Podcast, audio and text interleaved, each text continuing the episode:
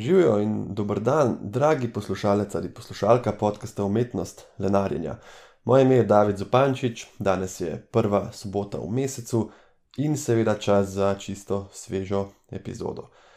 Danes govorimo o nujni medicinski pomoči ali na kratko NMP. Zakaj sem zbral to temo?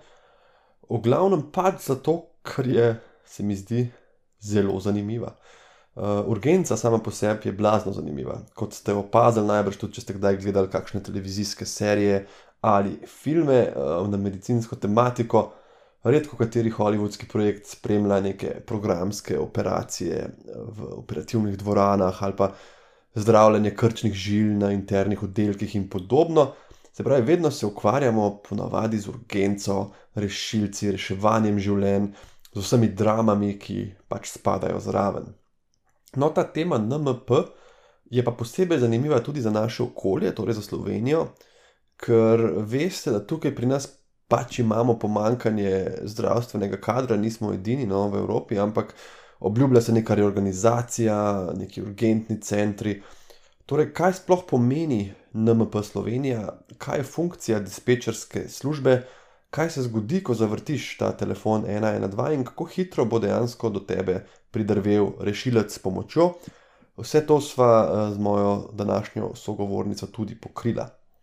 In končno še tretji razlog, da se mi zdi ta tema tako zelo pomembna, tiče se čisto vsakega od nas. Nihče ni, nekako bom rekel, nima te pravice, da ignorira vprašanje prve pomoči. Namreč čisto vsak človek bi moral poznati osnove prve pomoči, ker kot boste tudi slišali med pogovorom, se bitka za življenje nekoga s srčnim zastojem zmaga ali izgubi na terenu. No, kot vidite, je za obdelati kar nekaj eh, različnih in zanimivih področji, kar je tudi razlog, da je ta epizoda podcasta Umetnost Lenarjenja čist uh, nenačrtno postala najdaljša doslej, ampak brez skrbi. Ne boste poslušali uh, samo mene. Tako da, sam pred začetkom dovolite, da vam na kratko predstavim svojo sogovornico. Uh, Valentina Pugel je zdravnica, specializantka urgentne medicine. Sicer eh, je velik navdušenec nad gledališčem in umetnostjo že od majhnih nog, slišali boste tudi najno zgodbo, namreč spoznala sva se, sva dolgoletna prijatelja in spoznala sva se, ko se je ona pridružila moji novo ustanovljeni dramski skupini medicinske fakultete, Jaz sem bil tretji letnik, ona je bila brudska. In med študijem smo veliko delali skupaj in smo na velike odre različnih gledališč spravili štiri ogromne produkcije. Valentina mi je eh, med pogovorom razjasnila res veliko vprašanj, ki sem jih tudi jaz imel na temo dela in organizacije nujne medicinske pomoči v Sloveniji. Sva se pa seveda dotaknila tudi vprašanja, kako človek, ki dela vsak dan na urgenci, se vsak dan srečuje z najhujšimi poškodbami in tudi smrtjo, kako skrbi za lasten notranji mir in duševno zdravje. V opisu podcast epizode uh, najdete en kup povezav, ki sva jih omenila tudi med pogovorom, med drugim nekaj odličnih virov informacij za vse tiste, ki boste dobili v poslušanju neko motivacijo, da malo ponovite osnove uh, prve pomoči. Sicer pa vam želim seveda eno prijetno poslušanje in se slišimo spet naslednjo soboto.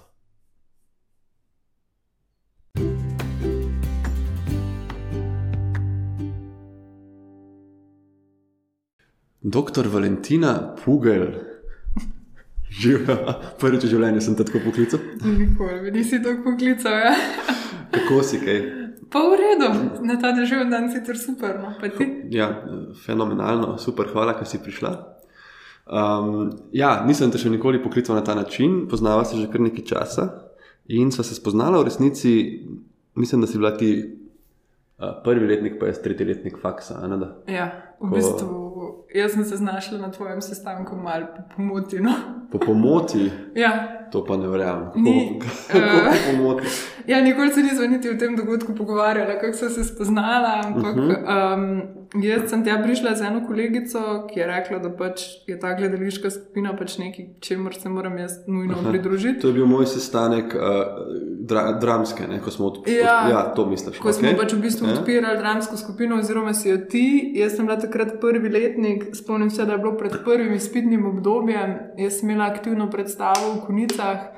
In pač res si nisem želela še dodatnega dela in vsega skupaj. In pa sem prišla tja na tvoj sestanek in v bistvu že takrat, ko so začeli spraševati, kdo ima kakšne izkušnje, pa kaj pa to. Si bila edina z izkušnjami. Bila edina z enim kupom izkušenj, tam malo razvajena, pojem je bilo kar malo nerodno, ko si vprašal, če ima kdo izkušnje z režijo in jaz pridem, ja, jaz sem bila lani na nekem seminarju in ne vem kaj.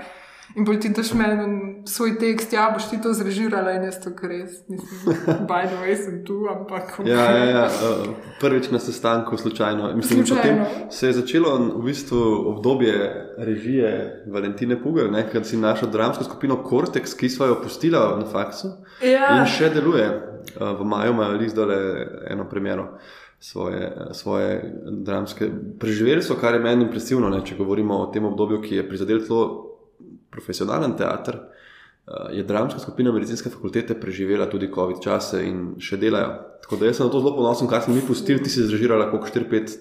Pet predstav je bilo vse skupaj. Mislim, jaz, če se vrnemo na to, kako so se spoznala na to osebno zgodbo, jaz sem ful mislila, da ti, ti v bistvu mene ful ne maraš. Ne?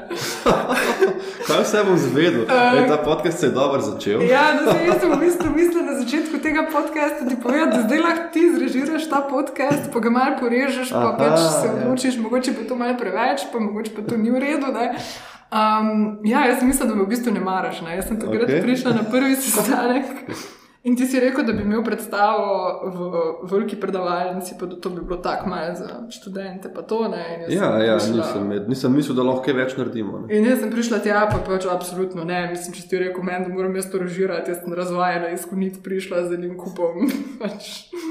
Pač vaj na odru in vsega tega, in vse kar je bilo, kot da ne. ne. Ja. ja, to se spomnim. Ti si tako, da moj na odru, pa sem jaz mislil, čakaj prvič, ne, kako to stane, drugič, kdo bo šel gledat. V glavnem, mislim, tako, dramska skupina našega faksa, kjer so se mi spoznali in smo jo tudi otvorili.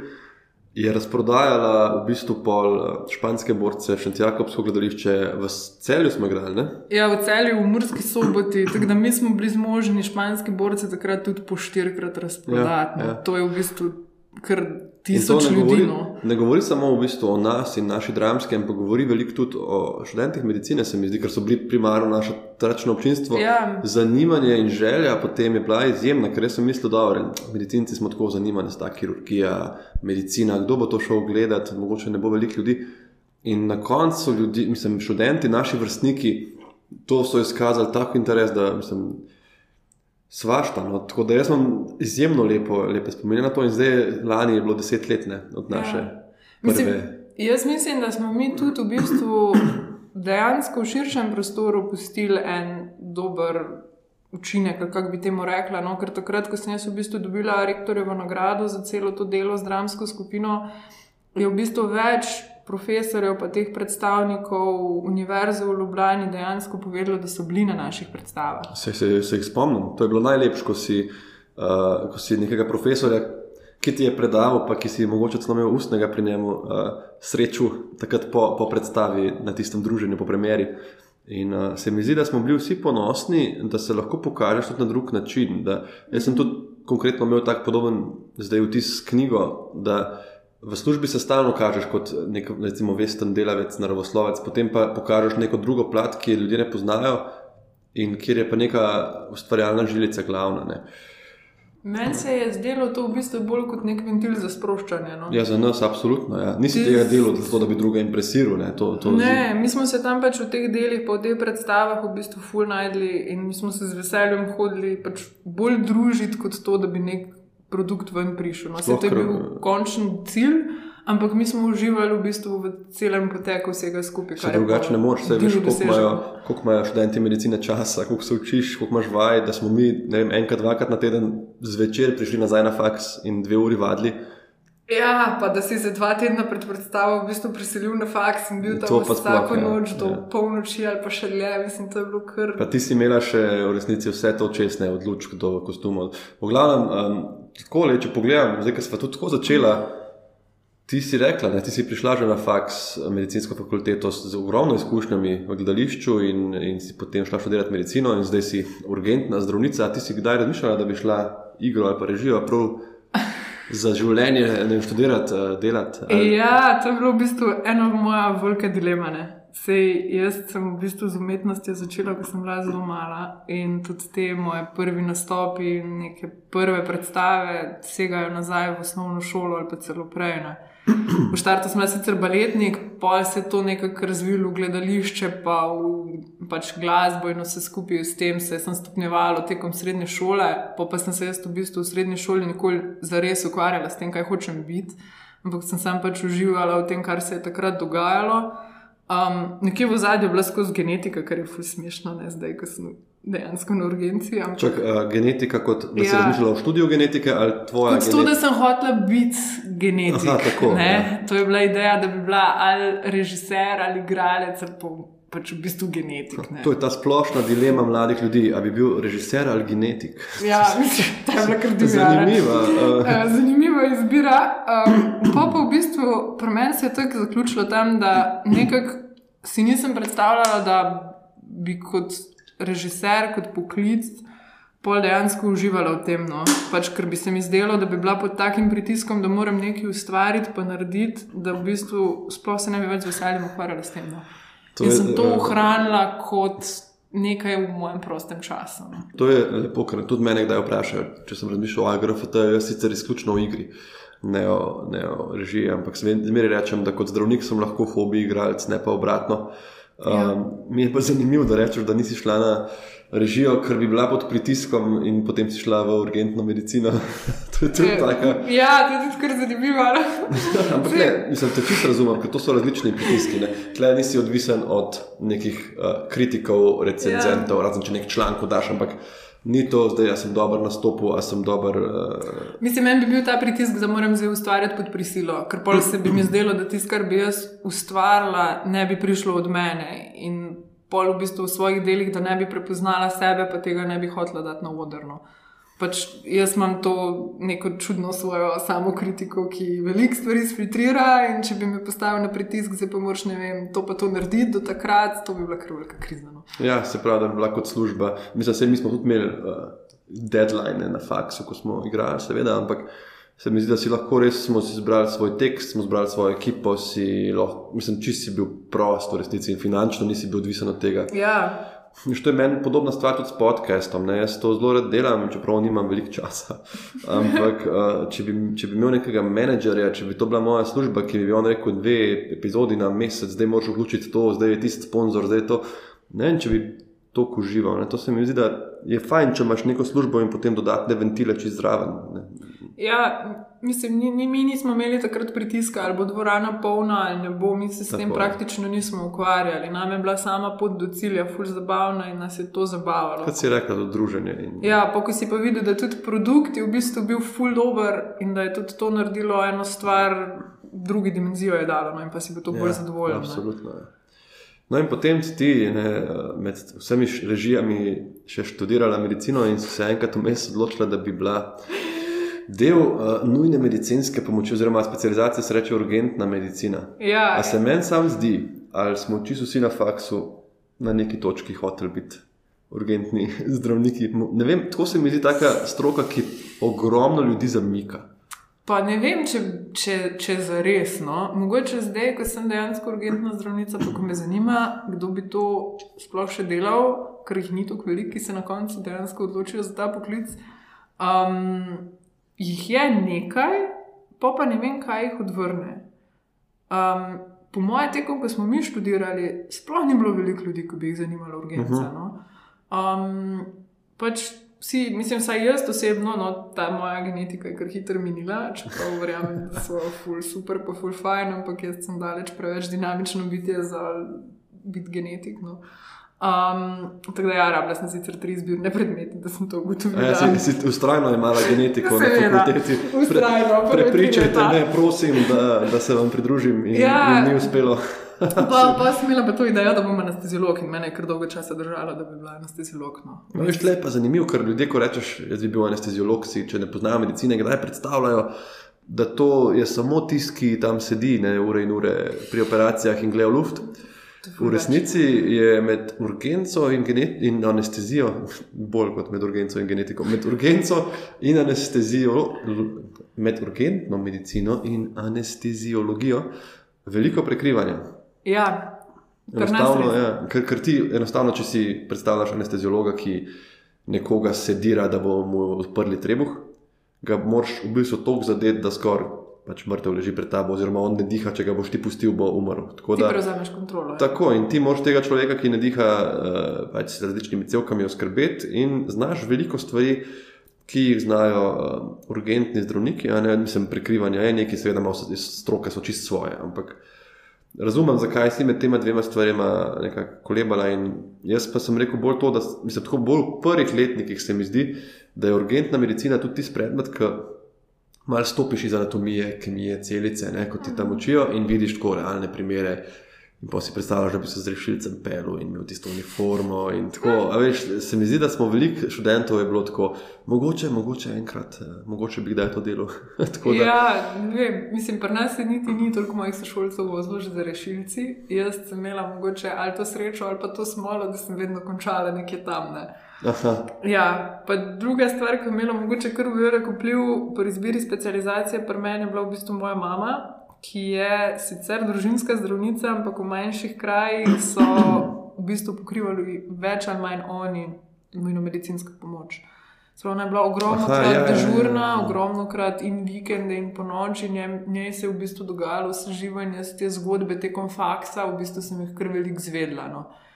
Pa tudi pri njej sem delala družinsko medicino, vaje in ona pač je tiste dni, ko je bila urgentna, rekla, da ti pač zdaj nimaš izbire ne, in greš z mano.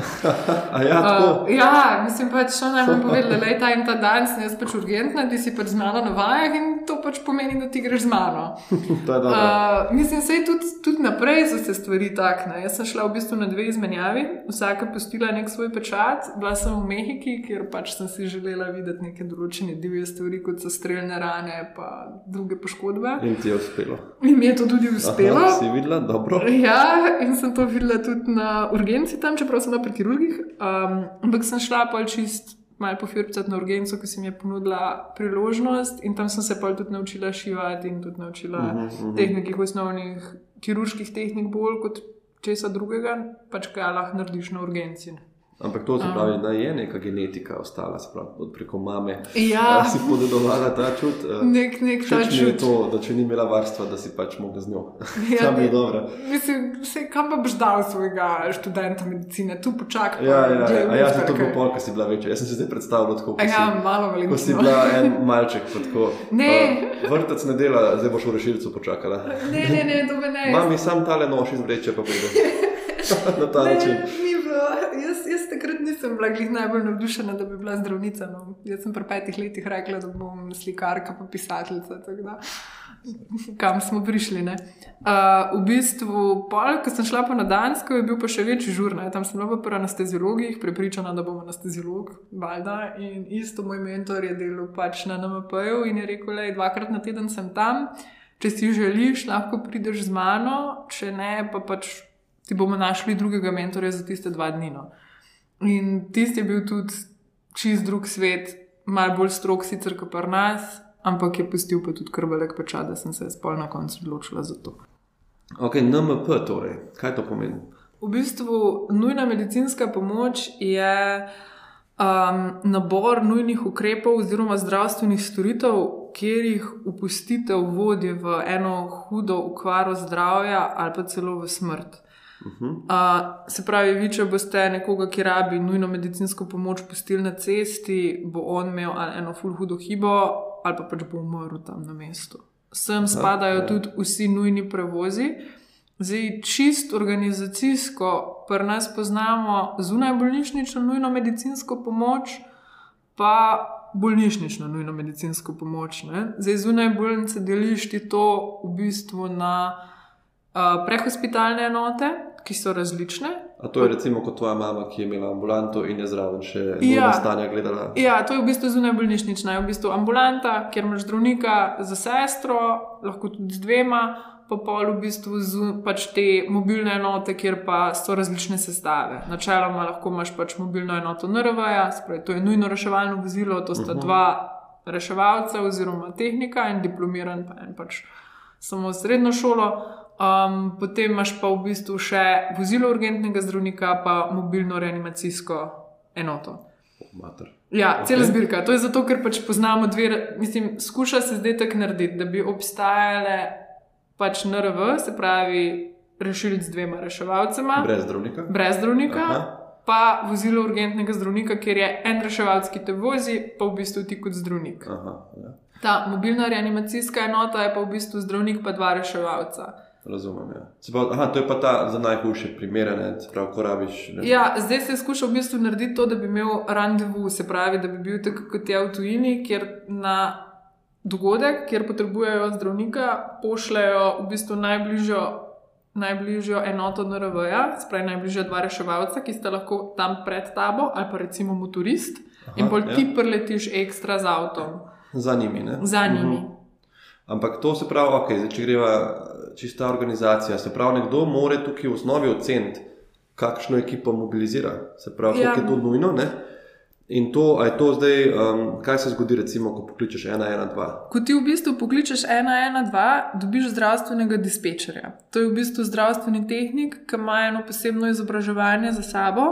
In on najprej s tabo preveri, v bistvu, kdo si ti in kje lokacijsko si. On sicer dobi tvojo telefonsko, pa tvoj geopin, kje pač se nahajaš, potem posluša tvojo zgodbo. Pol je v bistvu odvisno Mislim, tvoja jasna zgodba ne prekinja. Če že v tisti zgodbi ugotovi, da tu gre za absolutno nujen primer, on sploh ne čaka in spusti ven ekipo. Recimo, ja, recimo v srčnem zastoju on sploh pač te sicer posluša, ampak vmes že proži ekipo z zdravnikom, spravi dve vozili, da pridete v bistvu na kraj tja. Uh mhm. -huh. In on v primeru srčnega zastoja, recimo, če se kar tega konkretno lotiva on v bistvu potem s tabo naprej govori, kaj je, ali oseba diha ali ne diha, ali govori ali ne govori. V glavnem, on te tudi vodi čez vse temeljne postopke v življenju. No, mislim, da je dobro tudi en podatek. Jaz imam več ciljev, da s tem tvojim pogovorom okay. s tabo. En je to, da malo predstavlja, kako to deluje, pa tudi, da par stvari razčistiva ljudem, kaj to za njih pomeni, pa mogoče kaj lahko oni naredijo v smislu ja. postopkov življenja. In to, kar si zdaj rekla, se mi zdi pomemben podarek. Uh, ko tebe, recimo, ta človek nazaj potem sprašuje, uh mhm. -huh. ti reče, a diha, a ne, naredi to, so kdaj ljudje živčni, ker si mislijo, da zdaj on sploh še ni ukrepal, ne, da on zdaj tebe tukaj nekaj sprašuje, preden bo odložil pa rekel zdravniku, pa ti na pot. In ta, to sporočilo, da on poklika stvari in je v bistvu rešil že na poti, ja. ko se on s tabo naprej pogovarja um, je, je kar pomembno, se mi zdi, ker ljudje so živčni potem nazaj. Kaj me sprašuješ, kaj mi delaš, pošilj nekoga. Ne, ja, ja, ja, v bistvu je ful različno. No. Mislim, ne vem, če to vejo sploh, ampak v bistvu dispečer mora v eni minuti se odločiti, kaj bo naredil. In oh, kakšno no. ekipo bo poslal. Aha. On ima 10 sekund, v bistvu, da dvigne telefon, Uh, se je več ljudi, ni, nisem eden, ki zdaj tam panično čaka na telefon. Sedem neodgovorjenih klicev. In potem v bistvu on mora v minuti dejansko sprožiti. No. Lahko tudi spremeni prioritet. Oni poznajo v bistvu tri različne prioritete. Ene so rdeče, oranžne, pa potem pač zelene. Zdaj, rdeča je tista, ki rabi nujno zdravnika, pa ko rabi nujno zdaj le takoj. Oranžne rabijo načeloma pač reševalca, potem zelena je pa v bistvu nekaj, kar ni nujno za NMP. Uh mhm. -huh. Tako da mi v bistvu to imenujemo pol tudi po cifrah, 90, 80, 70, to je tudi pol te razlike, ko vidiš, da se rešilc pele z lučkami ali pa samo z signalizacijo ali pa pač z ničemer. Razumem. Ja. Tu imaš pol vse te. Tudi zato, ker kdaj kdo pokliče, ne vem. Babica, babica je danes tako hrbet, boli, da se ne more premikati, pa se je to vrti, pa pokličeš rešilce, ena, ena, dva in pol. Tako, v tej državi nič ne funkcionira, ker so prišli še le čez 40 minut. Ampak v bistvu je nekdo striažiral, da se to lahko ja. zgodi, če bi babica nehala dihati. Koliko je reakcijski čas poprečen za? Poprečen nekje, mislim, da je 7 minut. Za, Ljubljano, za celo Slovenijo. Za celo Slovenijo. Mislim, da je to za celo Slovenijo. No, nisem... Najbrž so nekaj odstopanja. Ja, so... Ljubljana je zihar pod 8. No, ja, mislim, da Ljubljana je 7, no, če se jaz prav spomnim. No. Ampak moraš biti pa v bistvu tudi ti, ko te porožijo v eni minuti v avtu. To je v idealnih razmerah. Ne? In ti si pač, odvisno, da si to rekla, ali si pre, prek hospitalne enote, gre za ambulante, hospitalne enote, pa primer tudi klinični center. Ne, v bistvu čisto, kar, kar delamo mi, je vse prek hospitalna. Hospital NMP je pa to, kar ti izvajaš v bolnici noter. Se pravi, Aha, ko že je, prideš nazaj, razumem. ja, ne, ko prideš nazaj, to je pač čist to, kar je v urgentnem centru. Oziroma, to, kar je pač ali IPP ali KPP po starih pač organizacij, to je kakorkoli obrneš. Aha, to je vse, kar se dogaja noter, oni ja. ne izvažajo. Ti imaš naprej hospital ekstra pisane zdravnike, kot pa pač noter v bolnici. Ja, ja, seveda. Ja. Zbrav, ja, za teren, zdaj, če celo gremo na ljubljanski primer, ti zdaj delaš primarno tle, Ja. ja. tukaj ne v Ljubljani. Um, se pravi, ta dispečer dobi klic, on v eni minuti se odloči, da gre najbrž za srčni zastoj. In tam klikne, vi to pol, eh, je kot v seriji. Jaz sem že, jaz sem drugače krožil, na NMP, seveda, vsi smo, ne, ampak to se spremenja, in jaz se tudi ne spomnim, to zazvoni nek, nek reanimacijski telefon poseben. Ne, ne. Mm, Ti imaš, vsaka ekipa ima zdaj v bistvu svoj mobitel oziroma eno tako postajo. Na katero ti dobiš sporočilo, ti dobiš Sporočilo. en O- stavek, Oj, en umira, LP. Ne, ne, v bistvu dobiš pač točno napisano ta in ta oseba. Mislim, na koncu piše ime in primek te osebe, pa starost, ampak v štartu ti pa povejo, ne vem, reanimacija, srčni zastoj, pa lokacija. In ti pač moraš odgovoriti, ali sprejmeš, ali pač ne In sprejmeš. ti recimo uh, sediš pač v urgenci in si dezigniran na tisti dan za teren. Tako, In ti samo čakaš te klice. In ko dobiš ta, to sporočilo, mošit. ti in pač ta voznik in še en. Ja, jaz in ta voznik greva. Aha, Ja, reševalci v Ljubljani so pejžani v bistvu iz reševalne postaje. prav, uh, avto tvoj pa rešilc prijeta ločeno. Tako, Aha, v okay. lepih vremenih pride prej še motorist. Dobro. Motorist ima v Ljubljani v bistvu ful hitrejši, pač hitrejši odzivni čas, kot vsi To ostali. je pa ena nora in tudi nevarna služba. Ne? Problem Ja. tega motorista je, da ga dostkrat težko vidijo, ker je manjši. Ja, Šiba pa to tako ful hitro. se pele, on je v bistvu ful hiter, no? on je. Ja. prvi običajno tam. In tudi lepa stvar teh vseh telefonov je, da on ti lahko nazaj sporoči. Ti imaš komunikacijo z njim, on pride tja Seveda, in ti ja. ja. pač pove, to pa to je.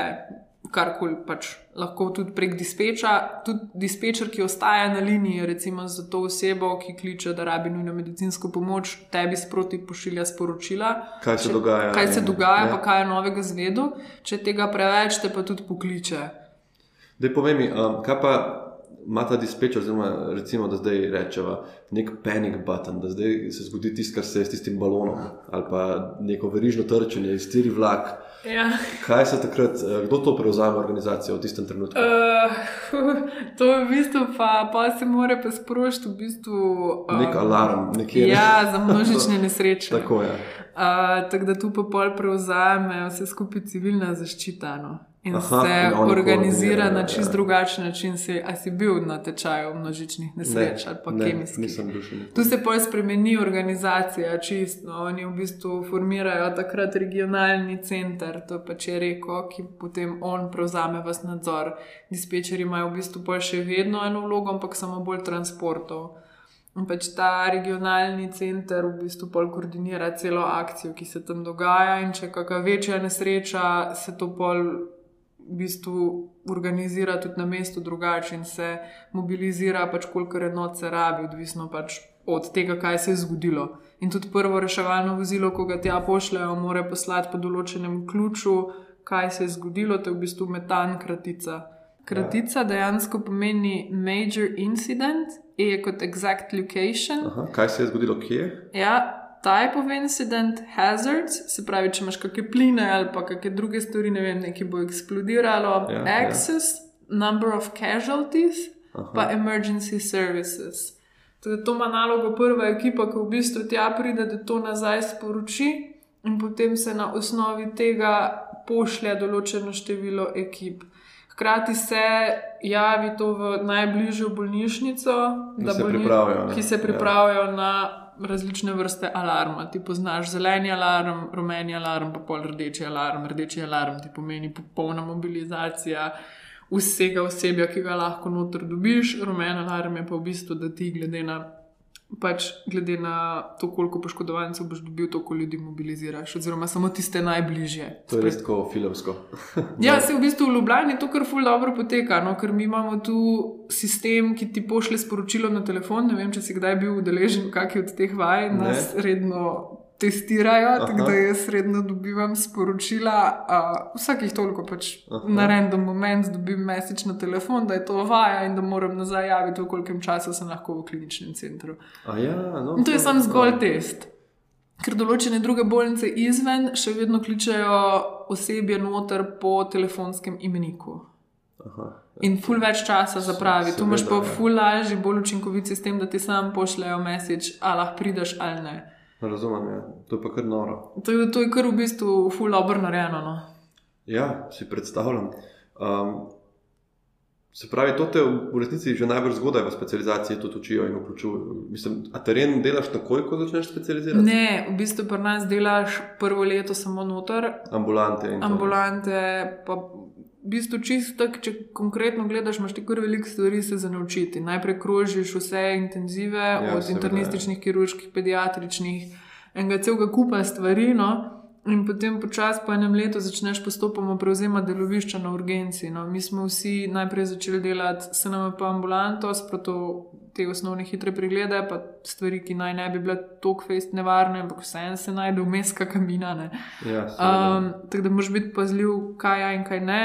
Potem greš pa počasi IPP, pa kirurške ambulante, pa pa na koncu v bistvu terenno. Mislim, kar najbolj se pozna, mislim, vem, da se pozna tudi v naši, mi smo tudi urgentna infektološka ambulanta, to je čist drugo, ne k nam v bistvu priješ na potnico.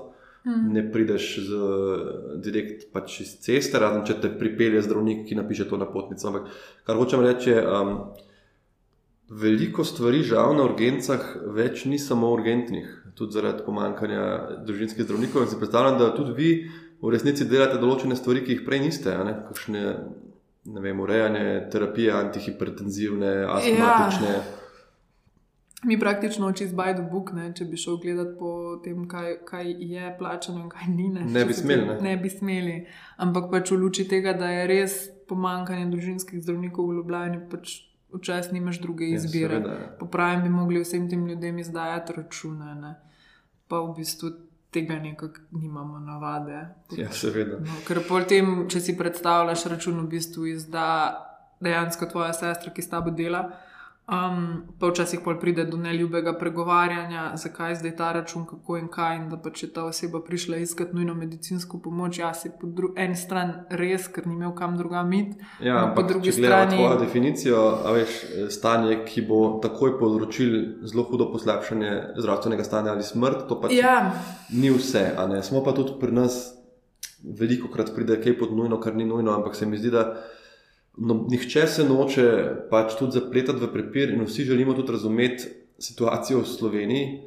Mhm. Uh, tudi ni fair, da v bistvu ti izdaš ta račun in je potem gnev leti in spet na sestro, na zdravnika. To naj Ja. pač pošlje ministrstvo zaradi mene domov po neki kontroli interni in naj prevzame nekdo drug. Pač to, tisti, ki nekako je odgovoren za to, da ta človek do svojega zdravnika ne more. Tako da te čisto razumem, da nekako ti. Mislim, vem, da gledate marsikaj na urgenci. No. Saj- Ja, mislim, da je tudi druga stvar, je, da pa mogoče so ljudje izgubili malo kompas. Sej, težko je tu postaviti neko mejo, pa reči, to pa ne sodi na urgenco ali pa to pa sodi sem, zato ker včasih se kakšna res nujna stanja manifestirajo. Skrivajo malo, banalne ja. stvari ali pa človek mogoče ni pozoren. Absolutno. Ja. Pač ne vem, sej, jaz sem tudi že imela nekoga, ki me je prepričeval, da on pa sam po noč hiperventilira. Ampak ko gledaš celo zgodbo nazaj, pa ko sem se jaz to skupaj sestavljala, pa mlad človek je bil. Na koncu je šlo v bistvu za obsežno pljučno embolijo. No. No, recimo. Veš, ne, in- pa tudi včasih si se lažje tudi posvetoval, pogovoril s svojim zdravnikom kot danes. Si šel pač Ja. tja in ti je on mal povedal. Zdaj, človek doma težko oceni, ne, zdaj, a je to prsna bolečina, ki je zagotovo infarkt, a moram zdaj iti, a moram jutri. Pa celo spodbudno je, da mogoče greš prej. Se mi zdi, da so tudi ma- malo obiskovalci urgence ločeni na, na dva taka pola. Eni so tisti, ki res čakajo predolgo in ja. Pride, pride v taki sepsi, da ali pa nekdo, ki dvakrat pikne v rami, pa je tam. Pa je tu. Ne, se tu je težko neko, neko jasno mejo postaviti, pa jasno povedati. Je res, da zaradi preobremenitve primarnega zdravstva za, nekako zanemarjamo to, da bi mogel svojega pacijenta tudi na nek način vzgajati, pa ga podučiti. Saj Tisti, tisti, ki je študiral Ja, šest let ja. in potem še celo specializacijo in v bistvu celo življenje, in poznaš vsak, vse simptome, ali boš pa naštudiral, ali pa veš, kam pogledati. In ti lahko v bistvu svojega pacijenta usmeriš, pa mu poveš, da ko se ti pa to zgodi, pa moraš takoj priti. Tako, ja, ja, seveda. In pač tudi s pogovorom, kaj je v bistvu ta simptom, ki ga on navaja, ali pa to, kar je on opazil, zdaj to pomeni neko nevarnost, da se boš ti v 24 urah sesul ali ne. ne. Sej, tudi mi smo znam ljudje, pa lahko da kaj spregledamo, pa ima to katastrofalne posledice. Ampak če si pa pač dost pozoren, pa se dost dobro s pacijentom znaš pogovarjati mislim, da lahko se temu izogneš. Ja, in, in tudi to, kar si zdaj rekla, um, se pravi, ta dispečer, s katerim se ti pogovarjaš, recimo, da on oceni, da ni tu srčni zastoj, on lahko tudi uh, te veže na pogovor z zdravnikom. Ja, on lahko veže. Potem, če on ni, ali pa če ni siguren, recimo, zakaj gre, ja. on velikrat pač dejansko veže. In potem se ti pogovarjaš. Čeprav te telefonske konzultacije so najbolj triki. Ja, to je ful to, težko, ker ti osebe ne vidiš in ne veš, koliko je prizadet dejansko. In tudi neko delo dispečerja, kaj zdaj se v eni minuti odločiti, koga bom dal ven, je kar hud pritisk, pa v bistvu kar ena težka odločitev. Vse oni so trenirani jih prednjo spustijo realno delati, jih imajo kar dosti časa na simulacijah. Ampak ja, je pa pač odgovorno na koncu. Ne, pa te, kot si rekla telefonske, telefonske konzultacije, tako, mislim, to je res. Ljudje mogoče ne vejo, ne, kdaj vprašajo zdravnika, ali lahko to, a naj pridem, pa ti rečeš, ne vem, gospod, če, če boli, pridite, pa kako ne veste, dajte mi povedati. Veš, kakšna je to odgovornost, da ti rečeš, počakajte do jutra. Kaj, mislim, ona, ti ja. ne vidiš bolnika, ne vidiš simptomov, ne, znakov, ne vidiš izvidov in to po telefonu se odločiti je res težko. In naslednja stopnja, veš, meni pišejo na Instagramu, kdaj za lahko samo to vprašam, ne? otrok pa tako kašlja, pa ta izvid je. Pa, ja. to, ej, jaz se ne dotikam tega, niti slučajno, tudi če bi imel licenco, ker še nisem specialist, in tako nimam. Ne? Ampak to, da, da ti nadaljavo nekaj rečeš, zač mi je nekdo poslal sliko EKG-ja na Instagram, EKG infektologu, a veš, a hočeš umreti, ali kaj že, tako smo, a, mislim. Tako, in sem sam, jaz to vse ponovadi napišem, kaj, ali pa sploh nič ne napišem, ampak se mi zdi, To um, se je malo mogoče zdaj tudi v tem COVID času domačilo, da zdravnik kar malo po mailu, pa malo po telefonu, pa mislim, meni je to zelo neprijetno. Ker... Mislim, to je ena stvar, kako imaš ti meje nastavljene, se pravi, da ti v prostem času odgovarjaš ljudem za njihove zdravstvene težave, je mogoče malo tvoje, mislim, ne osebno Loh tvoja, ja, ampak pač osebno to, težava nekoga, ki se tega loti, ker mi smo ful velik časa v službi in mogoče da imamo tisti čas, ko smo doma, usmeriti v, v ali svoje bližnje, ali svoje prijatelje, ali pa v samega sebe. Zato, ker težitek služba to poje. No. Ja. Mogoče te ljudi usmeriti, da je pač prid takrat, ko bomo v službi, ali pa pač pet urgenco. Če je nujno, absolutno, ja, nisem jaz ta pravi. Um, po, pač ta težava, kaj po telefonih, kaj po mailih, to pa v bistvu se vsak od teh, v bistvu to večino me zdaj delajo res družinski zdravniki, se odločijo pač sam, se vsak pri sebi ve, kaj si upa, pa kaj ne. Težko reči, pa nekaj smernice dati, ampak ko so nas na faksu učili, so vedno rekli, če nisi siguren, boš še da pride v ambulanto. Ja, tako je, vedno. Bož, da jih 30 pregledaš za brez veze, kot, ja. da, kot da enega zgrešiš. In tudi eh, ena druga stvar, ki jaz sploh nisem najprej pomislil, da je lahko problem, pa sem potem slišal to zgodbo ali prebral nekje. Ne, naj bilo v Sloveniji, mislim, da ne, no, nekje v Evropi, da je ena mamica pošiljala pač pediatru nekaj izpuščaja od svojega otroka slikce in je Google algoritem to flagu kot uh, otroška pornografija, ne, ker je pač slikala pač otročka brez majice ali kakorkoli, brez yeah. Ja. oblek. E, in je mu zablokiral ta mail, prijavo, naredil vse. Ne? Tako da dejansko še ena stvar, mogoče, ki, ki je, uh, kar se maila tiče, in to je sploh tudi en drug pogovor. Ampak, da se vrnem, kaj me zanima. Uh, vožnja z rešilcem. Zdaj, to je študenti, prvič, ko greš v rešilce, to je ne, sploh dogodek. Uh, jaz se vozim z rešilcem, kadar imamo premestitve iz intenzivo v intenzivo, pri bolniku, okay. ki rabi spremstvo. Uh, ne grem na teren pobirati ljudi, ampak pri bolnikih iz bolnice v bolnico, ki ne morejo brez zdravnika, grem zraven. Najboljši ti povem, kot ljubljančan, ki živi v Ljubljani, odkar se je rodil, je skoraj najboljši občutek, poleg tega, da varno pospremiš svojega bolnika, to, da v najhujši gužvi, tako ob dveh v Ljubljani, ko dežuje še, ko je vem, 17 tisoč ljudi na celovški, se tebi vsi umikajo in ti pač šibaš mimo, mislim, se ne vozim jaz, ampak si zadaj, umikajo se v avtomobilu, voziš mimo, šibaš do Gulnika, pridemo iz centra, ne vem, v manj kot pol ure ali pol ure. To je res um, poseben dogodek, si pa predstavljam iz tvojega vidika, ko te pokličejo na neko ne vem, prometno nesrečo, na neko reanimacijo, ko ne veš, kaj boš tam našel. da je pa to še en ekstra stres. Pa, mislim, to je mogoče ti drugače gledaš. No? Recimo jaz, da bi te klice pa te stvari doživljala kot ne vem kak stres.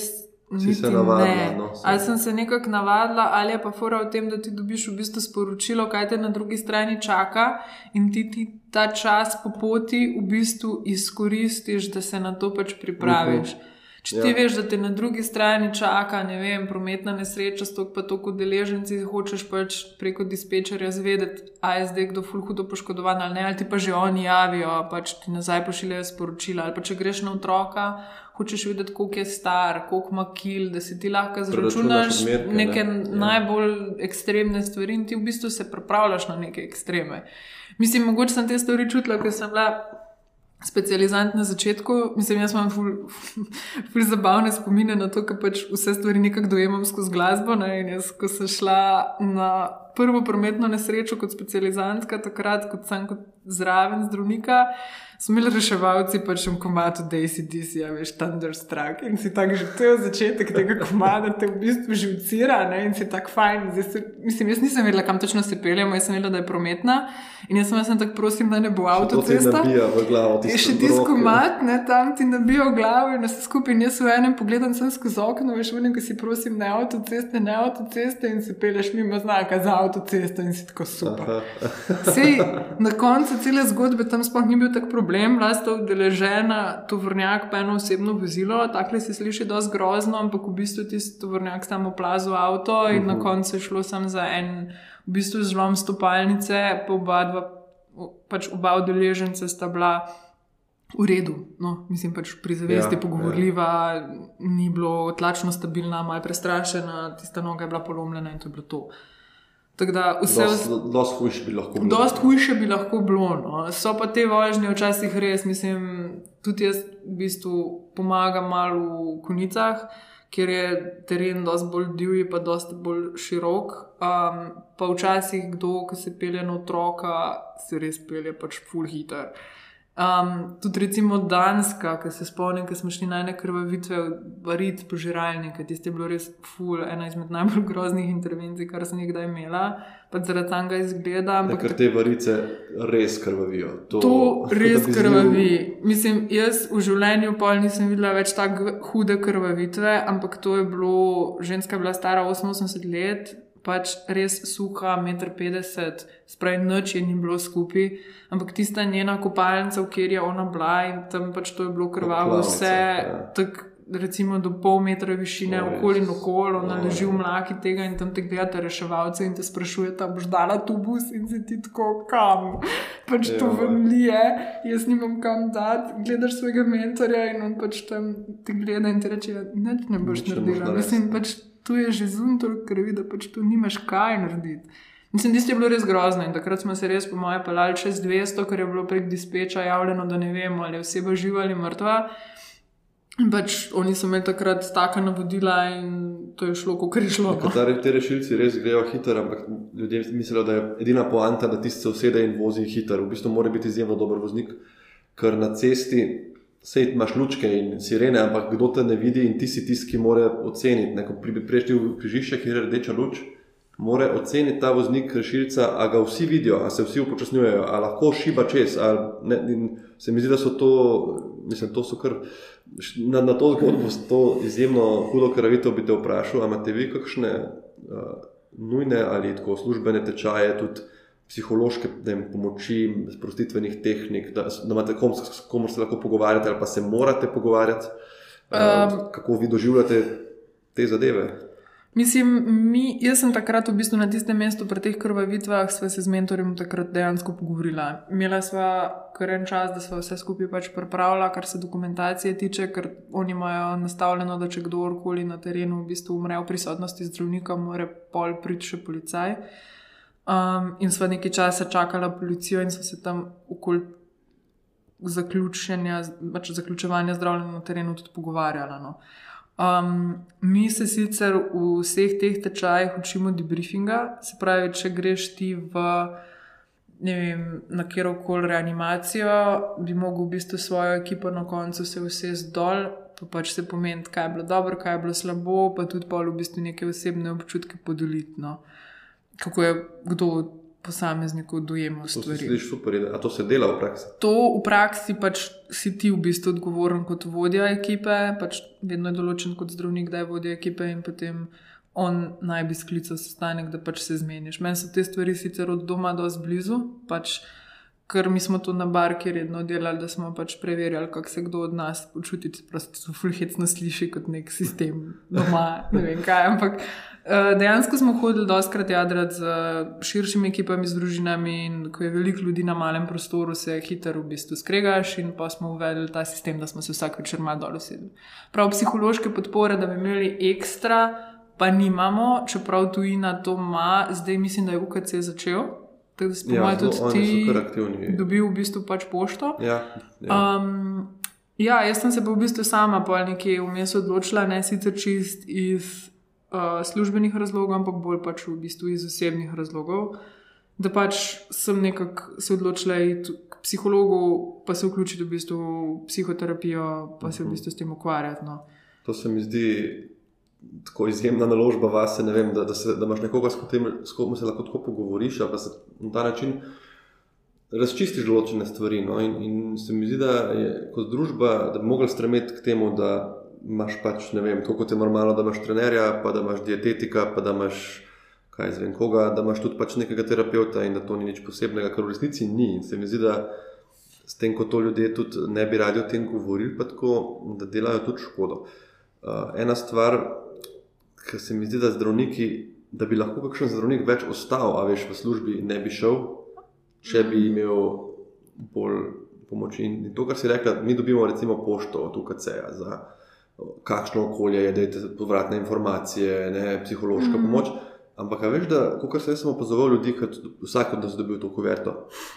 To s takim cinizmom se sprejema, meni je bilo prav grozno, tako kaj to delajo, to je brez veze, sam da jim je en teden dopusta, pa je to vse kar rava. Ne, ljudje kar nočijo sprejeti, da pač vseeno mogoče ni čisto vseeno delodajalcu in da dela nekaj dobrega. Ja. Mogoče zato, ker toliko časa nismo tega podpirali, ali pa ker so še vedno razmere grozne in smo zelo obremenjeni, in bi vsi radi, sam, da se razmere izrihtajajo. Ampak to, da se razmere izrihtajajo, se ne izključuje s tem, da ti reče delodajalec, da lahko kaj naredim, da te bi imel psihološko pomoč. In dokler smo pač tudi sami tako veliko ljudi defenzivni, se mi zdi, da ne vem, da se ne bo, ne bo mogel toliko spremeniti. Mislim, dejstvo je tudi to, da v bistvu to je full delo.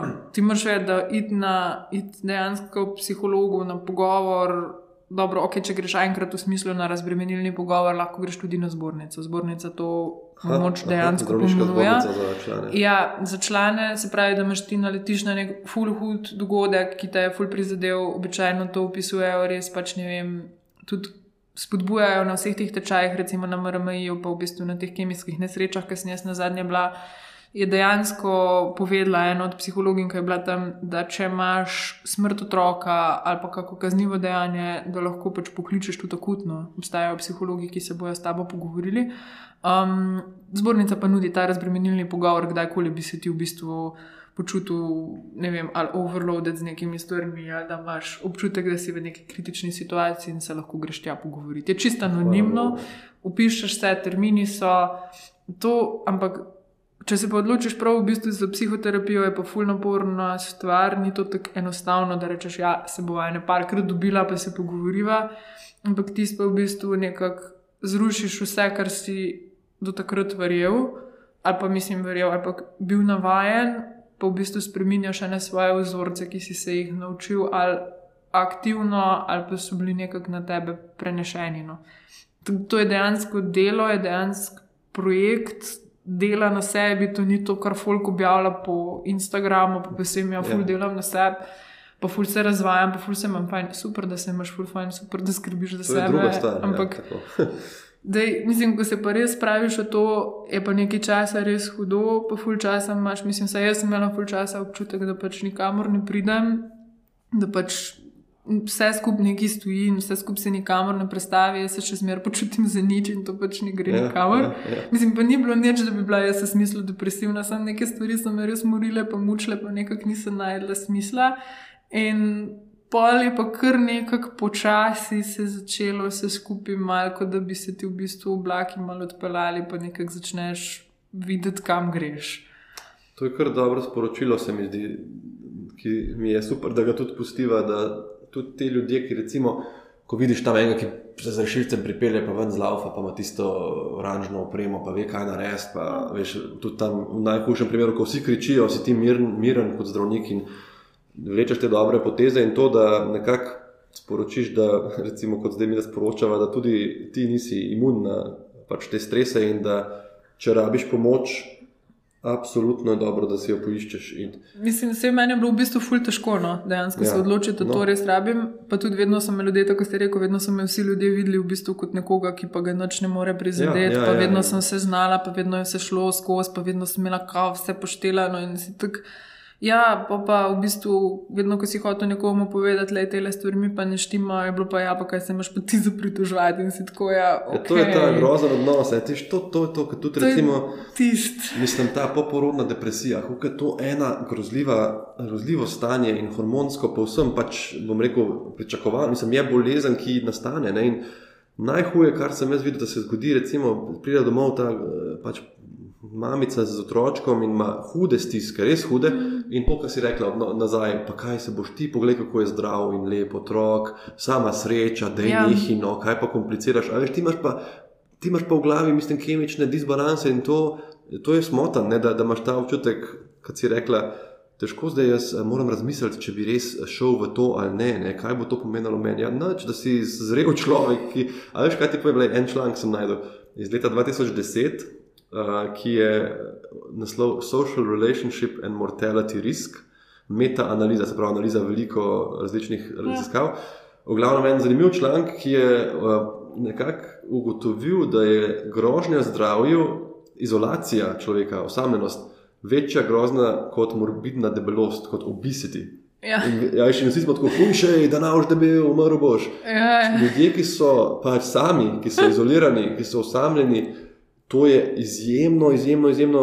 Mislim, to, to, mi smo, nismo narejeni ljudje za to. No, tako da pač poišči pomoč, res uh, to se splača. No. Jaz tudi vem, da marsikaj v življenju ne bi zdržal, brez da se s kom povežem. Ja. Mislim, da pri nas je v bistvu res tako, no, jaz ne, da me zdaj služba tako obremenjuje, pa da me te primeri iz terena ali pa tudi znotraj bolnišnice, mislim, se te prizadane, ampak jaz se ne obremenjujem s tem toliko. Če bi zato... čisto vsak, pol najbrž ne bi tega. Ne, mislim, delati, jaz imam tudi v bistvu srečo, da imam ful dobre sodelavce, tako specializante kot specialiste, ki v bistvu čez ti nekaj takega zgodi, lahko vedno prideš do njih in pač poveš. In to je tudi na urgenci eno tako ful dobro okolje, ker pač če si imel eno ful hudo intervencijo, ti je nekdo na voljo tudi takoj, ko prideš nazaj. Nekdo, ki je pač v bistvu s tabo takrat v službi. Pa več ali manj imamo zelo dobre, pa tople odnose, tako da to je tudi ful lepo. No? Da te potolaži, pa te v, resmi, v smislu potrdi, da ti pač poveš, ko včasih res. Sej, Mislim, jaz mogoče delo na terenu dojemam isto kot pač ne vem, nekoga, ki je skiper na barki, se pravi nekoga, ki ne moreš nikoli dati občutka svojim sodelavcem, takrat, ko si z njimi na terenu, da jih je strah, ampak ja, ti moraš vedno imeti svojo full dobro kontrolo. Ampak včasih v sebi, pa pa sploh na začetku karijere, full dvomiš v svoje odločitve, ki si jih naredil. In je full dobro, ko v bistvu znaš priti nazaj na urgenco, pa nekomu, ki je ali tvoj nadzorni ali pa tvoj sodelavec, pa ima full več izkušenj kot ti prideš, pa mu poveš, pa mu rečeš, da tole pa nisem siguren, da sem prav naredil. In on ti pač v bistvu potrdi, da ja, jaz bi v tvojem primeru naredil isto. Ali pa ti da mogoče pač neko usmeritev, da ne, mogoče bi bilo pa drugič, če se ti to zgodi, boljš nekako drugače narediti. In te na ta način vzgajajo, pa te učijo. In se učiš, pa še najbrž boljš delaš, ker si v okolju, kjer imaš neko varnost, um, občutek, da lahko poveš in da boš. Sprejet kot uh, neko varno okolje ne, za, za, ja. za reševanje teh stisk. Tudi zato, ker to je pa en članek iz leta 2017 eh, od Rovenbergerja, ki je pa gledal prevalenco izgorelosti. Um, sicer on je gledal leta 2010, pa 2014, ko je že malo staro, ampak uh, takrat že pri ZD, v ZDA delano, pri študentih medicine in zdravnikih, že presegalo 50 odstotkov. On je tudi razvrstil specializacije po vrsti, 25 jih je bilo in prva je bila Emergency Medicine, ki je leta 2014 bila blizu 70 odstotkov, sicer oni imajo tudi malo drugo organizacijo kot mi, se mi zdi, in Amerika tudi ja, svoje v bistvu težave. No. Drugače, kot mi, no. oni delajo noter, ne hodijo na teren. Pa v bistvu ful več ur imajo. No. Ja, ja no, tudi to v Ameriki so te ure. Tako da se mi zdi, da je nujno se s tem ukvarjati.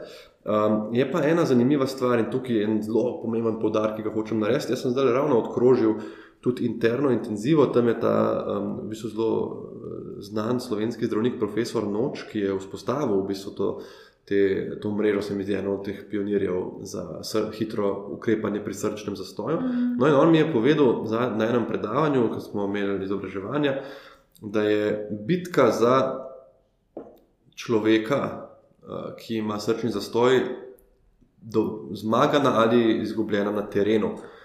Um, kako bi to pokomentirali? Ja, v bistvu, se, če si kdaj odprl smernice za uživanje od ERC-a, tam imaš verigo preživetja, kjer v bistvu taki štirje krokci so, ki si jih predstavljaš skupaj sestavljeni, in v tej verigi preživetja ima v bistvu skoraj ta glavno vlogo posameznik, oziroma tisti, ki ta srčni zastoj v bistvu prepozna in takrat obvesti nujno medicinsko pomoč, pa začne v bistvu z izvajanjem temeljnih postopkov življenja. Se pravi, to samo da podara ta človek, ki je slučajno tam, nek mimoidoči ja. kuhar, ne vem. Študent, Kdorkoli. ne dispečer, in ne zdravnik, in ne sestra, pač tisti, ja. ki opazi. Ker se mi zdi, da Se, ne, povej, veriga preživetja, kateri so pa drugi členi, še, ki so potem. Ja, v bistvu prvi, prvi tri je... členi so to, ne, da on v bistvu prepozna, obvesti NMP, začne stise prstnega koša izvajati, pa pač uredi to, da pride AED, in potem ta zadnji v tej verigi je pa v bistvu to, da v bistvu pride pomoč. Ta zadnji, ne, ker veš kaj je, ne se mi zdi, kot ti si nek lajk, recimo si na cesti, pade dol nekdo, nekdo se zadere, ne diha, nekdo ga trese. In potem se mi zdi, da glavni vtis vseh tam, pa tudi mene bi bil, če se ne bi s tem ukvarjal, je, čim prej pokličemo rešilca. Ne? Upam, da čim prej pride rešilc, upam, da bo zdravnik, ki pride, znal, upam, da bojo hitro ga pripeljali v bolnico, da je tam en dober kirurg, karkoli, da ga rešijo. Ja. Ampak, če ti zdaj teh sedem minut, smo rekli, da pride rešilca, pa šest minut, gledaš tega človeka na tleh, je v resnici Ja, v bistvu zgubiš, v bistvu ne. Možnost, da, bo ta možga, da bojo možgani še kdaj delali normalno, je ni. V ja, v bistvu vsi so se oba to učila, ne? v treh minutah približno se začne avtoliza možganskih celic. Spravi, tri minute lahko osebo pustiš ležati brez čegarkoli, pa se bojo začeli možgani praktično razpadati. No. Ja, in to je mislim, to sporočilo, zakaj se učimo tudi pri avtošoli. In, in prva pomoč, ta pomoč, že to, kako je tri minute hitro mine. Mislim, ja. to, recimo, že, da nekdo pade dol, pa si ti sam si živčen, da laufaš v drugo vem, hišo, potrkaš, rečeš, pridite pomagati, pritečeš nazaj, če ga odmes ne, no, nihče ne masira. Ja, se po smernicah v bistvu ga niti ne zapuščaš, če si Tako, sam. Ja. Zdaj pa rečeš se, ko jesi, mislim, se odvisno, kje si sam, ne? zdaj pač, kar lahko. Ampak, Uh, se mi zdi, da to, da ti začneš stiskati prstnega koša, mi rečemo masaža, da se ti tako neumno. Ne, masaže ne uporabljamo več. Vse no. to, pač lajčemo se reče masaža, ampak pač mi tega ne rečemo, stisi prstnega koša. Ja. In to ne glede na to, se se grozno sliši, pokajo rebra ali. Ja, se dejansko, ja. Ne, ti, to, to, to je vse, kar lahko narediš in nihče ti ne bo mogel tega človeka rešiti. Res to, to je taka razlika, ki vidimo. Zdaj sem bil v tej intenzivi, kot sem ti rekel, in so vozili ja. mlade ljudi po infarktu. Ja. Taka razlika, če je nekdo to delo, In celo, evo, dobra novica, nove smernice, pusti upihe. Ne? Ja. Kot lajk ne daješ umetnega dihanja, v resnici, ker mislim, da je 7 ali 8 minut dovolj, uh, to nam je tudi predaval, no, profesor, uh mhm. -huh. je dovolj še nekega kisika v obtoku, da je ključno samo, da kri teče. Čez... V bistvu, jaz sem šla pa to, kar smo v sklopu pripravili, ker v bistvu podcast sem, sem šla ja. brskati, pa iskati, pogledati. V bistvu obstaja teorija, da v tisti krvi, ki je ne, mislim, ki takrat ne teče po. po telesu, ki je pač stoji, ima še vedno eno osebnost, ki si ga noter. Ampak v bistvu so, je bila to ful težka odločitev, da dajo ven um, upihe, bolj se jih dal pa na račun tega, da bi lajki se prej Opogumni, odločili, ja, zato da bi to. nekoga začeli uživati, ker pač te upihi so bili vsem neka najbolj grozna stvar pač uživanja. Ja, ja, Tako da ja. pri nekaterih stvarih je pa še vedno nujno, da ti daš upihe. Recimo pri utopljencu, pa pri otroku. Pri otroku je v bistvu srčni zastoj sekundarna stvar. Kar pomeni, da je v bistvu najprej prišlo do zapore dihalnih poti, in če ti temu otroku ne boš dal pet upihov in s tistimi v teoriji predstavil stvar, ki je, upravila, ki je napravila zaporo dihalne poti, ne boš rešil vzroka in boš vse, mislim, ti boš džabe stiskal ti prstni koš, Ja, če ja, boš ja. pustil dihalno pot zaprto, Ja. ki je bila vzrok temu, da pač je sploh prišlo do zastoja. To je, ja, Tako da v bistvu dejansko skušaš narediti ljudem približati oživljanje, ampak še vedno, ko se uči, se še vedno uči dejansko, da se daje upihe. Uh -huh. Se pove, da niso nujni, ker tu je folk tudi zamujal in delal prevelike prekinitve teh stisov prstnega in to je koša. tudi problem. Ja, ja. In to je bil tudi problem, ampak v osnovi pa v bistvu vsi tečaji, pa vsi te obnovitveni tečaji prve pomoči, pa in za avto, in vse še vedno predvidevajo upihe. Še vedno.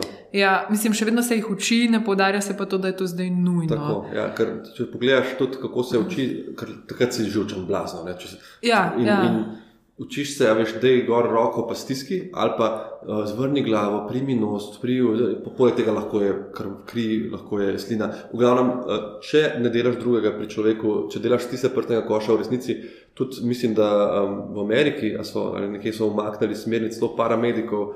Um, tam se itak, če sta dva, lahko en ventilira. in To, Ja, ampak ja. stisi so tako ključni, da se ne prekinja, ker, ker, ker s tem prekinjanjem ti blazno zgubiš obtok, ker to seveda, ko ti masiraš, ti stiskaš prstni koš, ni enako, kot da bi srce bilo. In mm. samo to, da veš, da če človek dol pade, če je srčni zastoj, se ni odziva, ni pulza, ni, da če ne drugega stiska, je tisti prstni koš, dokler ne pridejo reševalci. Pa seveda, kot si rekla, če je možnost avtomatski defibrilator najti, mm. ki so v javnih placih eh, in posod, Ja. in to pripopad gor te zelo lepo vodi. In tudi medtem, ko to lepiš, medtem, ko to delaš, stisi, stisi prstnega koša, res. Sem, Mm. vsak lahko reši življenje na ta način, to sem res hotel poudariti. Mislim, se v bistvu za to, da rešiš ti eno življenje, rabiš samo dve roke. Ne? In tako da to je v bistvu full simple, ne rabiš nič drugega zraven. Pa tudi naši pametni telefoni, da so mogoče že vse možne aplikacije. Mislim, da je celo zdaj Telekom dal aplikacijo Prvo pomoč, kjer imaš noter. Um, Vse, cele algoritme, pa lokacije AED-jev. Je bila tudi AED baza aktivna, pa mislim, da imajo iPhone eno svojo aplikacijo iHelp, ki ti tudi pač zračuna razdaljo do prvega AED-ja. Uh -huh. Drugače pa ful enostavno, recimo po centru Ljubljana je ful velik, tudi vsi shopping centri imajo pač skrite AED-je, mislim, skri, ne skrite, ampak pač dejansko pod pultom od informatorja običajno so. Tako da včasih moraš sam informatorja iti vprašati, pa vprašati kogarkoli, ki je ti se mimo. sam ne. Mislim, tudi dobro je, da, da narediš neko sceno, da čim več ljudi pride. Ja. Pa pride nek mogoče varnostnik, ki je imel tečaj, pa pride nek prodajalka. Pa, Ja. Sam da, da, da pridejo ljudje in začne to, nekdo bo že poklical. To, Mislim, sej, ti moraš samo v bistvu prepoznati. Prva stvar je, da ti prepoznaš, da je nekdo dol padel, pa da ti ugotoviš, da ko ga potreseš, on ne odgovarja. To je ena stvar. Druga stvar pa, pa moraš sam preveriti, ali on diha ali ne diha in ti moraš se odločiti v tistem. Če nisi siguren ali diha ali ne diha, se odločiš, da ne diha in da bomo Ja. začeli pač uživati. tako, tako. In tudi na tem mestu lahko pač poveva, da v bistvu pravilni stisi prstnega koša so na spodnji tretjini, v bistvu na sred prstnega koša, čist na spodnji polovici prsnice. Uh -huh. Stiskati je treba približno 5 do 6 cm globoko, oziroma eno tretjino prstnega koša. Sprav, pri otroku ne boste šli 5 do 6 cm, Ja. ampak samo eno tretjino. Ja. Je pa 5 do 6 cm pri odraslem kar velik, pri večini res počijo rebra, ne se tega ustrašiti, pa pač ne se zdaj reči, "O, zdaj pa ne bom več. Ker pač ti, tistem trenutku je nam za tista rebra čisto vse. en. Se rebra se bo že pocelila, Živ s počenim pa- rebrom ali pa mrtev. Ok, da, ja. tistih 6 do 8 tednov bo pač ga bo bolelo, se strinjam, ampak bo bo živ. Ne? Ja, tako je. Pa tudi fajn je, da v bistvu uživate ne prehiter, pa ne prepočas. Tu še vedno pač je tako malo tudi BG-sov, sem ta mlajša generacija, ne vem, če še poznajo Staying ta Stay Alive. Ritem od Staying Alive je ritem stisov prstov. Ja. Ja. Koša, če kdo ni vedel, morda. Če ne pa mislim, je veljajo tudi od Adele Rolling in the Deep. Ja, veš, da je na Spotify se mi zdi, da je nek playlist, Playlist je, narejen ja. komadov, ki imajo tak tempo. Mislim, se veš, pa imaš pa Highway to Hell, ne mislim. A tudi sem paše, To je tudi okej. sto, to tudi sem pa Kaj pa Another on tvoj- One Bites the Dust. Dobro. Kaj pa on tvoj, uh, kaj je bil? Thunderstruck, Ja. ne vem, kako ima to pa na- Ne, frekvence. tisti, ki je uh, Dej povej mi, a ti misliš, da se dosta učimo, pa poudarjamo? Pa, mislim tako, a bi mogli imeti recimo firme, ne obvezne tečaje Uh, enkrat na leto. Mislim, veš, tako je, ne. Mm, po Eureka študijo si mogoče kdaj slišal. Nekim je znano. Ja. Ja, to se je zadelala ta tretja že. V bistvu oni preverjajo po celi Evropi, koliko se zgodi srčnih zastojev, koliko ljudi pristopi od lajkov in začne izvajati prvo pomoč. Tako da zdaj po tej Eureki 2, ker od trojke še ni vseh rezultatov nazaj, približno tam 50 do 60 odstotkov srčnih zastojev ljudje uživajo. Pač dejansko bajstenderi. To je sicer kar v redu, ampak bi dobro, si ampak želeli še več. To pomeni, da, da skoraj pol ljudi v bistvu na terenu pustimo v redu. Ja, pol ljudi na terenu pač pustimo brez neke prve pomoči. Včasih sam Ja. pokličajo, pa stojijo zraven, pa to se tudi v Ljubljani dogaja, ko bi si mislili, joj, pa se to ne more zgoditi. Ne? to je neka, neka skrb, da ne bom kaj pokvaril. Je tudi. Ja, ali pa da me ne bo kdo tožil, Ja, ti, dobro, v Sloveniji mogoče to še najmanj, ampak ti stiskaj ti prstni koš, tudi če na robe stiskaš. Sam da, sam da ne pustiš človeka brez obtoka. Ne, Ja. v, in, in se mi zdi, da to je neko sporočilo, ki. Mislim, Mislim- to, kar sem hotel reči, ni tle glavni tisti, ki pride z rešilcem, seveda je, mislim, seveda bo on potem prevzel vso skrb, ampak on bo prišel čez 6, 7, 8 minut, mislim, probi, glavnem, treba je, treba je res, res, res pristopiti. No. Ne, se drugače pa realno ERC, se pravi ta Evropska, Evropska komisija za uživanje, je v bistvu že takrat, leta 2015, rekla, da bi radi imeli projekt Otroci uživljajo. Pač to so podprli takrat, pač WHO, pa Evropska fundacija za varnost pacijentov, pa še razni drugi reanimacijski odbori, tudi Svetovna federacija Združenja anesteziologov. Pri nas so se tega lotili pač slovenski reanimacijski svet, Rdeči križ, Ajde Baza, pa v bistvu Lions, humanitarno društvo. No. Um, tako da oni so se zavedali, da bi pač zavezali k temu, da bi pač v osnovne šole uvedli dvourne tečaje uživanja za vse otroke starejše od 12 let. Ne vem, koliko se je tega dejansko pol zgodilo. Jaz vem že vsem za svoj domači kraj, ker tega nisem našla nikjer na spletu tako jasno opisanega. Tako da pri nas, ker pač se z dobrodelnostjo ukvarjam že v bistvu kar več kot deset let. In maja bojo pač en naš klub v Kunicah predal um, lutke, pa defibrilatorje za učenje osnovnim šolam. Tako da nekje z septembrom začnemo pa pol v bistvu z izobraževanjem in jim tudi jaz pomagam, pač kako oh, bi to šlo. Uh, drugače pa jaz mislim, da tu študenti medicine. V sklopu društev, pa tudi Zveze študentov Veliko medicine dela, ja. Slovenije zelo veliko naredijo. Mislim, da projekt za življenje še vedno organizira tečaje prve pomoči, ki so bili vsaj, kot se jaz na zadnji spomnim, za ston. Uh, sam javiti si moral, da si želiš, in takrat je prišla ekipa študentov, to sem tudi jaz delala kot študent, z v bistvu 45-minutnim predavanjem, pa pol z štirimi postajami, kjer je mogel vsak udeležen sprobati in uživati, in ajde namestiti, krvavito ustaviti, pa pač kako se v bistvu obnašati za tujkom v dihalih. Tako da so vse te postopke šli skozi, jaz mislim, da delajo ful dobro delo. Ja, meni se zdi Um, tudi, da je to tako smiselno, ker če to delaš, če to vadiš, Ja, pa, je pa s- to lažje iti Ja. zraven, ker imaš nekaj v glavi. Če ne si tako, joj, kaj je bilo tam, delo sem izpit za avto 20 let nazaj, nekaj Ja, ga moram ja. na bog dati, ali ne, joj. Ne, in dejansko to, da ti imaš samo en tak tečaj na leto ali pa na dve leti in malo obnoviš, je že razlika. Je ne, že ful razlika. Tako da tudi v bistvu mislim, da je 16. oktober je svetovni dan uživanja. Ha. In takrat v bistvu študenti medicine v sodelovanju z vsemi temi organizacijami, ki se ukvarjajo z uživljanjem v Sloveniji, organizirajo Slovenija uživlja. In so v bistvu zastojni prikazi uživanja po celi Sloveniji. Bile so, kot se spomnim, To točke spomnim Ljubljana, let. Maripor, Celje, kjer je tudi na voljo vsa oprema, ki jo imamo mi, da se jo pač prikaže in hkrati te naučijo v bistvu Ja, uživljati. ja. Tako da to je nekaj ful dobrega. Tudi na spletni strani imajo oni ful dobro prikazane smernice uživljanja, čeprav jih najdete tudi na ERC-u ali pa recimo na SZUM-ju, se pravi na Slovenskem Aha. združenju za urgentno medicino. Vse te linke dal spomniti. Ja, se tudi lahko pošljem. Na- Meni je bila ta od študentov ful lušna, pa ful blizu, ker oni so v bistvu sami naredili svoje slike in imaš korak po korak. Mislim, vse te od teh večjih organizacij imajo več teksta, oni so se pa odločili pač res malo več časa imajo na voljo, mogoče, da so si prav poslikali vse korake. No. In je ful dobro za nekoga, ki bi ga zanimalo, da gre skozi tist. To je res, to je res dobro. Ti veš, kaj me zanima? No, recimo, kakšna je zdaj prihodnost, pa nek načrt za Slovenijo in NMP, ker beremo v zadnjem času o velikih težavah v sistemu, tudi o tem, ker to pa je nekaj, kar bi moglo biti dostopno, seveda vsi plačujemo enako zavarovanje. Recimo, ne glede na to, kje živiš, hipotetično bi mogel biti dovolj dostopna urgenca in, in rešilec, če ga potrebuješ. Um, kakšna se ti ocenjuješ, kakšna je ta situacija, pa kako bo zdaj šlo to naprej? Uh, v bistvu, pri nas smo, kar, kar se NMP-ja tiče, trenutno kar razkošno organizirani. Vsaj kar se tiče izvoznih lokacij, NMP-ja po Sloveniji, pa ambulant, ki delujejo 24-7. Mi imamo čez dan odprtih 63 lokacij, z katerih izvažajo zdravniki, pač čez dan, čez noč jih je pa 54. To je kar veliko, recimo za državo, ki ima pač 2 milijona ljudi.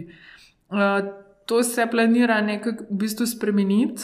Um, bolj tako smo se prej pogovarjali, bi radi šli v to, da imamo tako te v tujini randevu sistem, spravi, da reševalci izvažajo iz drugega kraja kot zdravniki, pa da bi bilo mogoče zdravnikov odzuni manj, pa bi tisto v bistvu na ta način, da je v ločenem avtomobilu v bistvu predelal.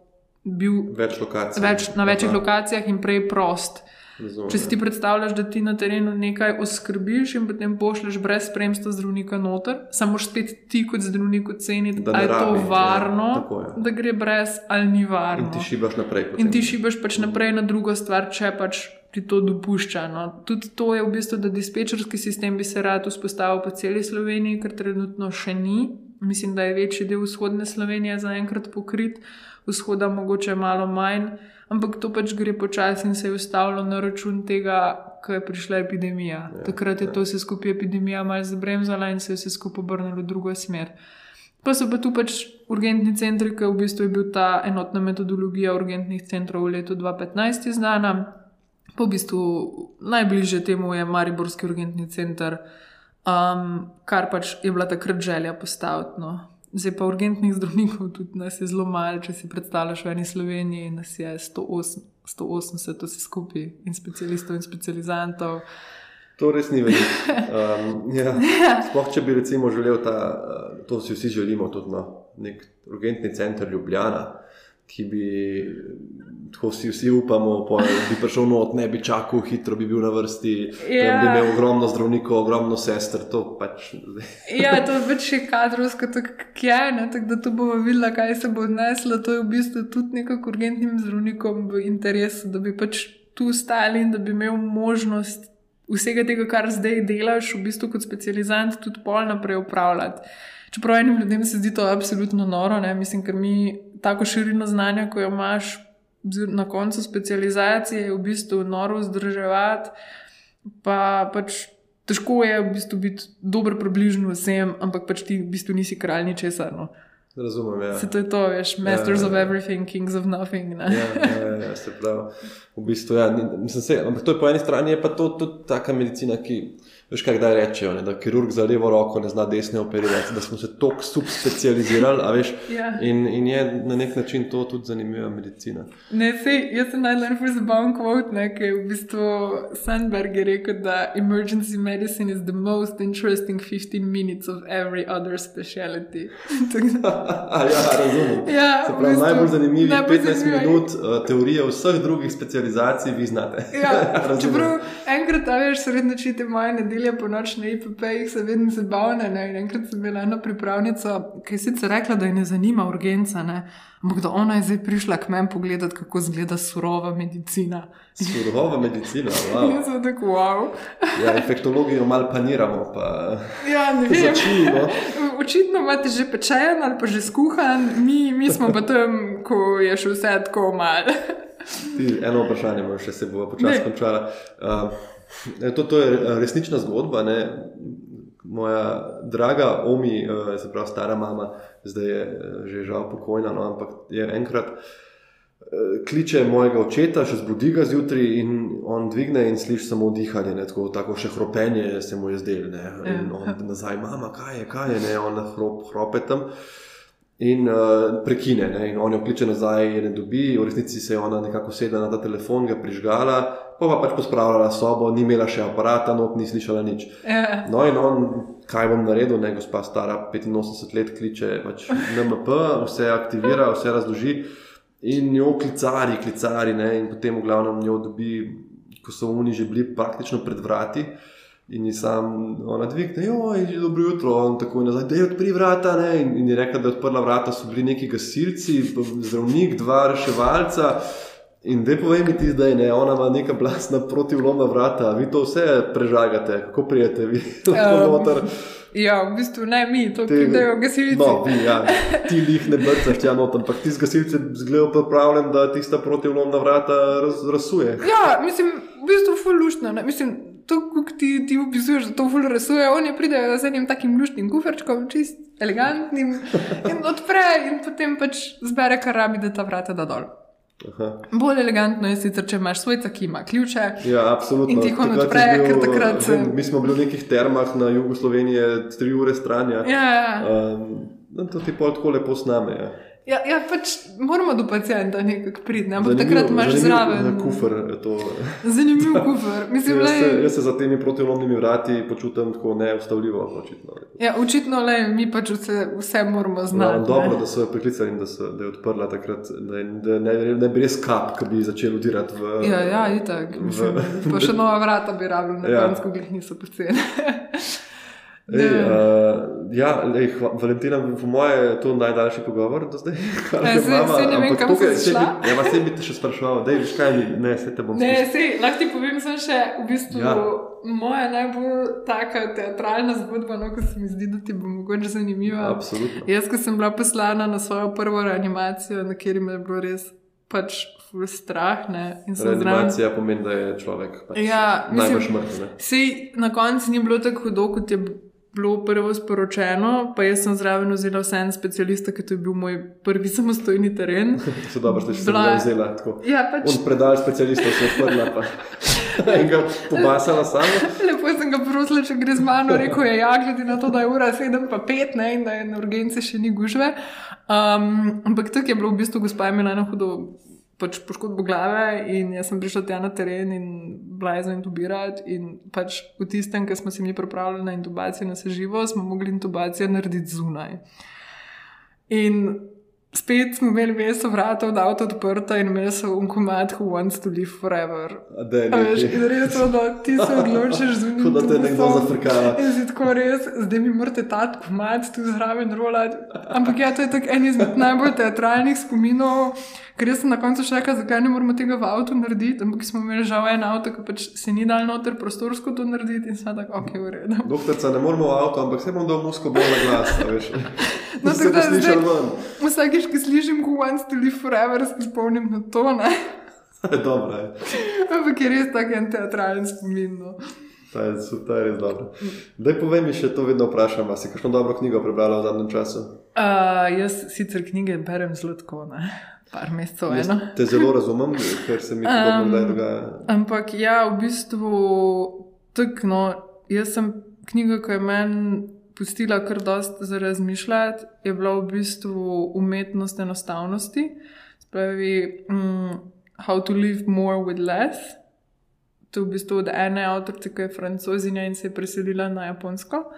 Um, ta je bil ful tak lušten no, in v bistvu bolj po moje za ženske primerna. No. Um, drugače tudi ful huda je od Mark Mansona The Subtle Art of Not Giving a Fuck. On Aha, je to sem res, pa že slišal, pa nisem še prebral. res mislim tako zanimivo ti prikaže, da vsak mora imeti neke stvari, za katerega pač briga, ampak ne smeš jih imeti prav preveč. Drugače pa tek, od teh ostalih pa recimo ta Into Thin Air. Ko gre v bistvu v ekspediciji na Monteverest leta 2006, mislim, da je bilo uh, 1996, ko je Aha. šlo pet odprav na Everest, pa pa v bistvu se fulma ljudi dol vrne. In v bistvu Ok. okay. zelo veliko ljudi, ki je šlo v to odpravo, je zdravnikov, od kardiologov do anesteziologov. In pa ti vsaka, od začetka je fulturobna zabrati, ker prvih 150 strani samo opisuje te različne ljudi, ki jih avtor spoznava. Drugače je avtor isti kot Into the Wild, če si gledal film. Ne. To je tudi ful dober film, Aha, aha, pa knjiga. Pač ta Into the Wild gre, k v bistvu en tip, ki ima poln kufer moderne družbe in se odloči za svojim venom iti nekam v naravo. Tako da vse ostalo ti nam spojljala, ker Ja, si ga splača ja, pogledati. prav. Pa Eddie Vedder je pisal glasbo, se pravi od Pearl Jamov in je res dobro. Ok, Okay, no? Tako da to wow. ti splača. Ta Into Thin Air je pa v bistvu fulti karakterno, vse ljudi upiše, pa pol se v bistvu te karakterje malo topijo eno drugo in se ful povežejo kot ekipa. Pa tudi ta odziv na to, kaj vse se mu je dogajalo, pa kaj je on čustveno doživljal, ko je hodil gor na Everest, oni so šli vse na vrh, pa takrat niso pričakovali, da bo slabo vreme in pa se pojavi en oblak, kar naenkrat z lepega, pa nobeni vremenski ga ni bilo in se vse sesuje. In v bistvu preživi to, mislim, da jih vse skupaj enih pet, ki to preživijo, in pa v bistvu njegovo doživljanje. On je šel tja pisati, ker takrat so odprave na Everest postale v bistvu množične. Mm, in pa pač je, bi mogel pisati, kako izgledajo, na koncu pa v bistvu doživel najbolj traumatsko zgodbo. No. Wow. Ful huda knjiga, no, da ti veliko zamisliti. Ja, mislim, tudi... Hvala za te priporočila. Dol, od... vse, vse to bom napisal tudi spodaj, za tiste, ki bojo hoteli, da se ne bojo zdaj vmes uh, med avtom. Ja. Med vožnjo, če to poslušajo, to zapisovali, da ne boš imela Valentina več dela.